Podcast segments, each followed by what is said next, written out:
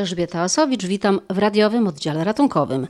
Dziś światowej klasy ekspert w dziedzinie zaburzeń snu, profesor Robert Skomro. Pochodzący z Wrocławia, a na co dzień pracujący w Kanadzie specjalista przyjechał do Uniwersyteckiego Szpitala Klinicznego we Wrocławiu na zaproszenie profesora Andrzeja Szuby. Wrocławscy lekarze mieli okazję skonsultować z nim swoje przypadki. Ja miałam okazję porozmawiać ze specjalistą o tym, kiedy i dlaczego chrapiemy, co robić, kiedy pojawia się bezdech senny, jak go leczyć i kogo ten problem dotyczy. Zwykle się sądzi, że to mężczyźni chrapią. Czy badania to potwierdzają, że rzeczywiście to dotyczy w większości mężczyzn? I tak i nie. To znaczy zależy troszkę od grupy wiekowej. Jeśli, jeśli przebadamy oczywiście wszystkich mężczyzn w różnych grupach wiekowych i porównamy częstotliwość chrapania do kobiet, to tak, mężczyźni jak najbardziej bardziej chrapią. Czyli to można powiedzieć, że właściwie wszyscy mężczyźni chrapią i wcześniej czy później będą chrapać? Nie, jeśli są nieotyli i, i nie mają jakiejś niedrożności górnych dróg oddechowych, czyli nie mają przerostu migdałków, e, nie mają niedrożności nosa, to, no to nie, nie do końca. To, to, to tak mniej więcej 40 do 50% mężczyzn chrapie. Mężczyźni, że chrapią, to jakoś to jest akceptowalne, natomiast kobietom nie wypada za bardzo. Nie wypada, nie wypada, tak, rzeczywiście. I tutaj mamy taki trochę problem, że to jest taka trochę stygma związana z chrapaniem i z bezdechem, szczególnie u kobiet, ale wbrew pozorom kobiety częściej się zgłaszają z tym problemem. Mężczyzna musi być doprowadzony do lekarza, kobieta jednak prędzej czy później sama do tego lekarza trafi. Kiedy to chrapanie jest tylko takim dyskomfortem, a kiedy staje się groźne? Tutaj są dwa aspekty, to znaczy jest y, problem dla pacjenta czy pacjentki i oczywiście dla partnera czy partnerki, tak? Więc badania, które są przeprowadzone na, na partnerach osób chrapiących też dowodzą, że oczywiście ten, ten partner gorzej śpi. W związku z tym no, przeważnie ta partnerka doprowadza tego pacjenta do lekarza. To, to jest jeden, jeden problem. Drugi problem to jest taki, że samo chrapanie może same w sobie nie jest jednostką medyczną, nie jest, nie jest chorobą, ale jeśli chrapanie jest związane z bezdechem, czyli jeśli ktoś zauważy, że są spłycenia oddechu i, i, i zatrzymają oddechu w czasie nocy, to jak najbardziej jest to już niepokojące. Jeśli jest senność, czyli pacjent się budzi niewyspany w ciągu rankiem przeważnie, tak, jeśli śpimy w nocy, albo zasypia w ciągu dnia, no to to są te objawy takie charakterystyczne dla, dla bezdechu przyłcennego. To może być różna częstotliwość i różne nasilenie tych bezdechów. Kiedy się naprawdę staje groźne? No to już wtedy trzeba prowadzić diagnostykę pod kątem właśnie nocnych badań, tak? albo poligraficznych w domu, albo poliosomograficznych, czyli badań w pracowni, tak jak tutaj u Państwa w Szpitalu na Borowskiej jest pracownia. Pięć spłyceń oddechów albo bezdechów w ciągu godziny spania. To jest taka nasza miarka, można powiedzieć. Powyżej pięciu jest, jest to już choroba. I co wtedy się dzieje z organizmem?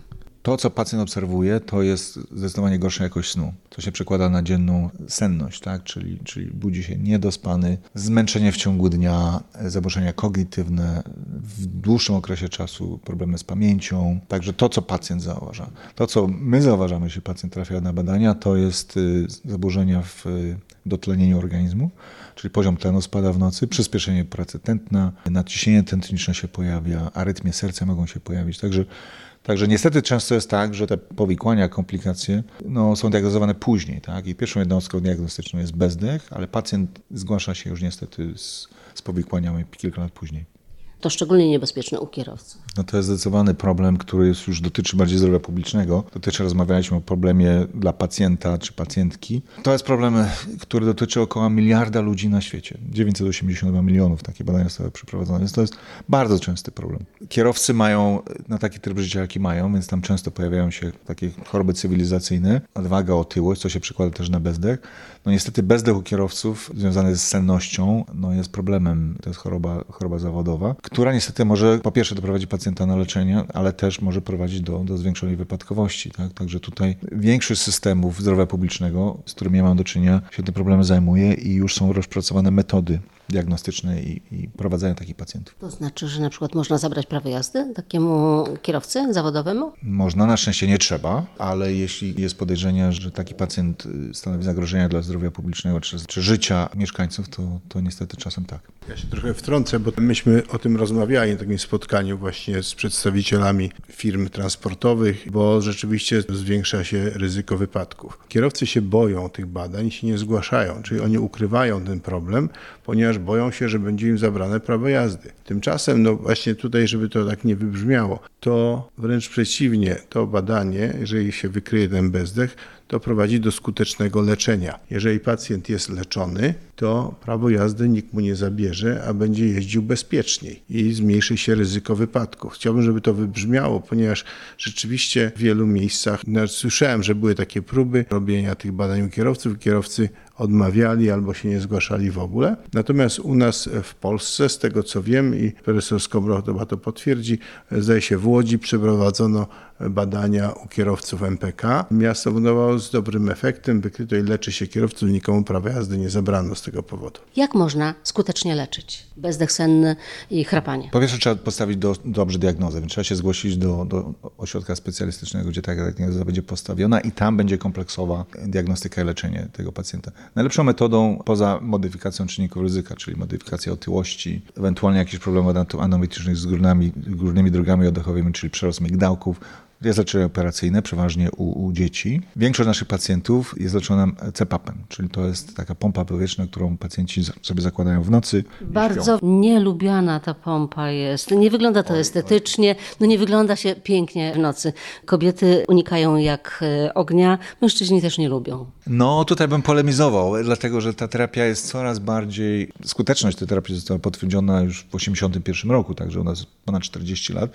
Natomiast technologia się poprawia. Mamy lepsze maseczki, mamy lepsze dostosowanie ciśnień. Są maszynki, które są specjalnie dla kobiet, ładniejsze kolorowe, także łagodniejsze wzrosty ciśnień. Także jeśli chodzi o taką długoterminową compliance, czyli stosowanie się do terapii, to kobiety się lepiej, stosują, lepiej dostosowują do terapii. Ale czy to znaczy, że jeżeli będę na przykład przez rok regularnie spała w tej masce, to problem zniknie na zawsze? Czy to jest tak, że jak już dostaję tę maskę, to będę z nią musiała spać zawsze? To jest też bardzo dobre pytanie. To znaczy, leczenie pomaga tylko wtedy, kiedy jest stosowane, chyba że są czynniki, które można jeszcze zmienić, czyli na przykład otyłość, pozycję ciała, leczenie operacyjne. Jest to, są to też metody stomatologiczne, czyli aparaty stomatologiczne, które też, które też pomagają.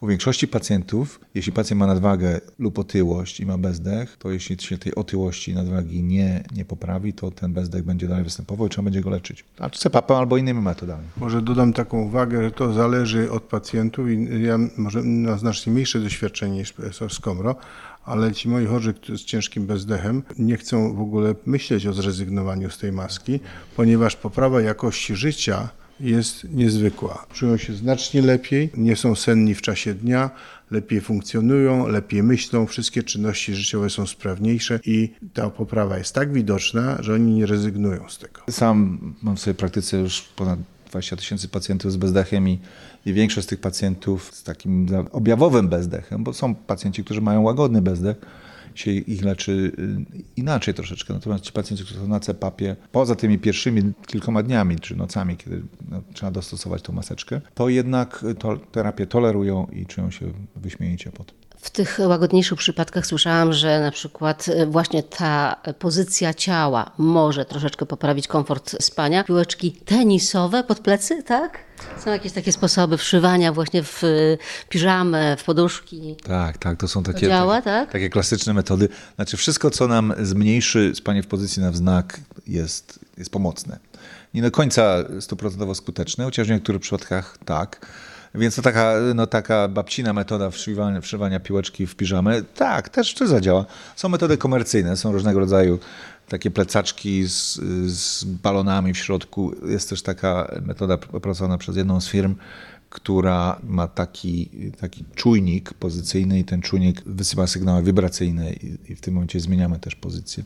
Także takich... Panie na płasko też e, temu nie służy? Wyższa pozycja trochę, poduszka pod, wyżej? Podwyższenie, tak, podwyższenie e, pozycji głowy, czyli jedna albo dwie poduszki to często, ale przeważnie spanie na boku jest naj, najlepsze. Widziałam takie reklamy, które mówiły o tym e, na wielkich billboardach. Przyjdź do nas w ciągu doby, zlikwidujemy problem operacyjnie. Przestaniesz chrapać. No tutaj należy rozgraniczyć chrapanie od bezdechu, to po pierwsze, tak? Więc, więc oczywiście są metody operacyjne leczenia chrapania.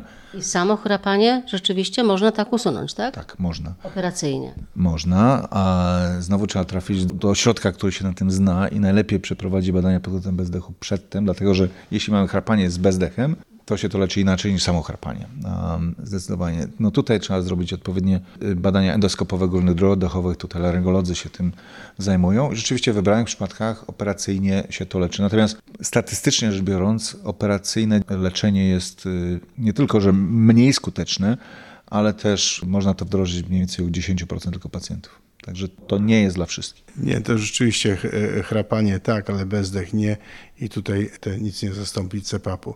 U niektórych te operacje, o których wspomniał profesor Skomro, to są często dość poważne operacje i do, dotyczące e, samej żuchwy, i mięśni e, języka i gardła.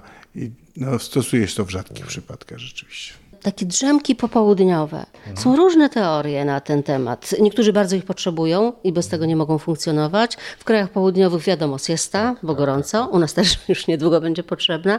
Ale też mówi się dużo o tym, że różny czas, że 15 minut to tak, ale już pół godziny to nie. Na ile ona jest pożądana, dobra i dobrze nam robi, a na ile niekoniecznie. Każdy z nas ma taką w rytmie okołodobowym troszeczkę większą szansę zasypiania w godzinach popołudniowych. To jest udowodnione też naukowo. Robi się to o tyle problematyczne, jeśli powoduje to zasypianie w trakcie pracy, czy w szkole, czy oczywiście w prowadzeniu samochodu, więc trzeba rozgraniczyć taką senność patologiczną od takiej siesty typowej, prawda? Jeśli mówimy o senności patologicznej, no to trzeba się zgłosić i diagnozować i leczyć. Natomiast sama drzemka 15-20 minut jest taki optymalne. Dla, dlaczego? Dlatego, że jeśli, jeśli drzemka jest dłuższa, pacjent wchodzi wtedy w głębsze stadia snu. Po pierwsze, budzi się wtedy, można powiedzieć, jeszcze mniej wyspany, takim zaćmieniem, a po drugie, to ma wpływ na, na następną noc, czyli, czyli wtedy opóźnia się zasypianie w nocy. I to może prowadzić do takiej dysregulacji całego rytmu okołodobowego, tak? Czyli jeśli pacjent no, ogólnie uważa, że powinniśmy spać między 7 a 9 godzin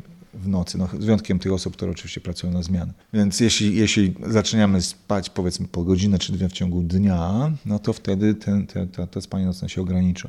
I wtedy wpadamy w bezsenność. Wtedy niestety pacjent się zgłasza do lekarza, twierdzi, że ma bezsenność. To często trafia na leki. No i się zaczyna takie błędne koło. To jest statystycznie nawet jeszcze większy problem niż bezdech, dlatego że taka bez, bezsenność okresowa to około 20 do 40% pacjentów. Natomiast taka chroniczna przewlekła, no na szczęście mniej. No ale każdy z nas może sobie na pewno skojarzyć co najmniej kilka nocy w swoim życiu, kiedy, kiedy miał problemy z bezsennością. Także to... No i liczenie baranów nie pomaga, to co wtedy?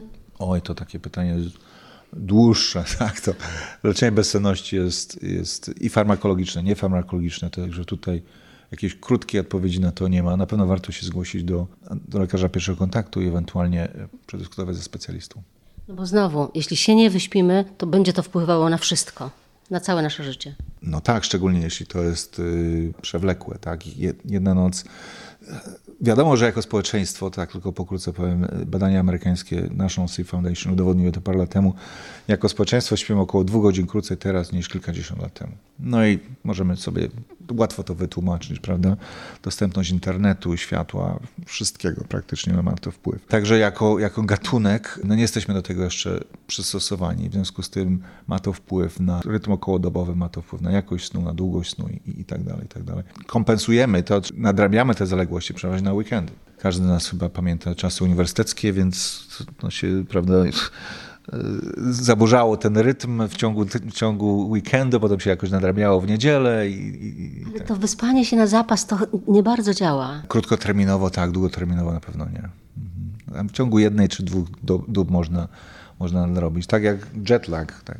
Pan profesor też ostatnio latał, ja też, także, także taka zmiana y, kilku godzin, no to, to, to jednak ten nasz zegar biologiczny potrzebuje co najmniej kilku dni do przystosowania się. Podobnie jest z bezsennością czy z niedoborem snu. Możemy ten dług, to się mówi oficjalnie o długu takim snu, tam możemy ten dług snu spłacić, ale to wymaga trochę, trochę czasu. W radiowym oddziale ratunkowym dziś to już wszystko. Elżbieta Osowicz, do usłyszenia.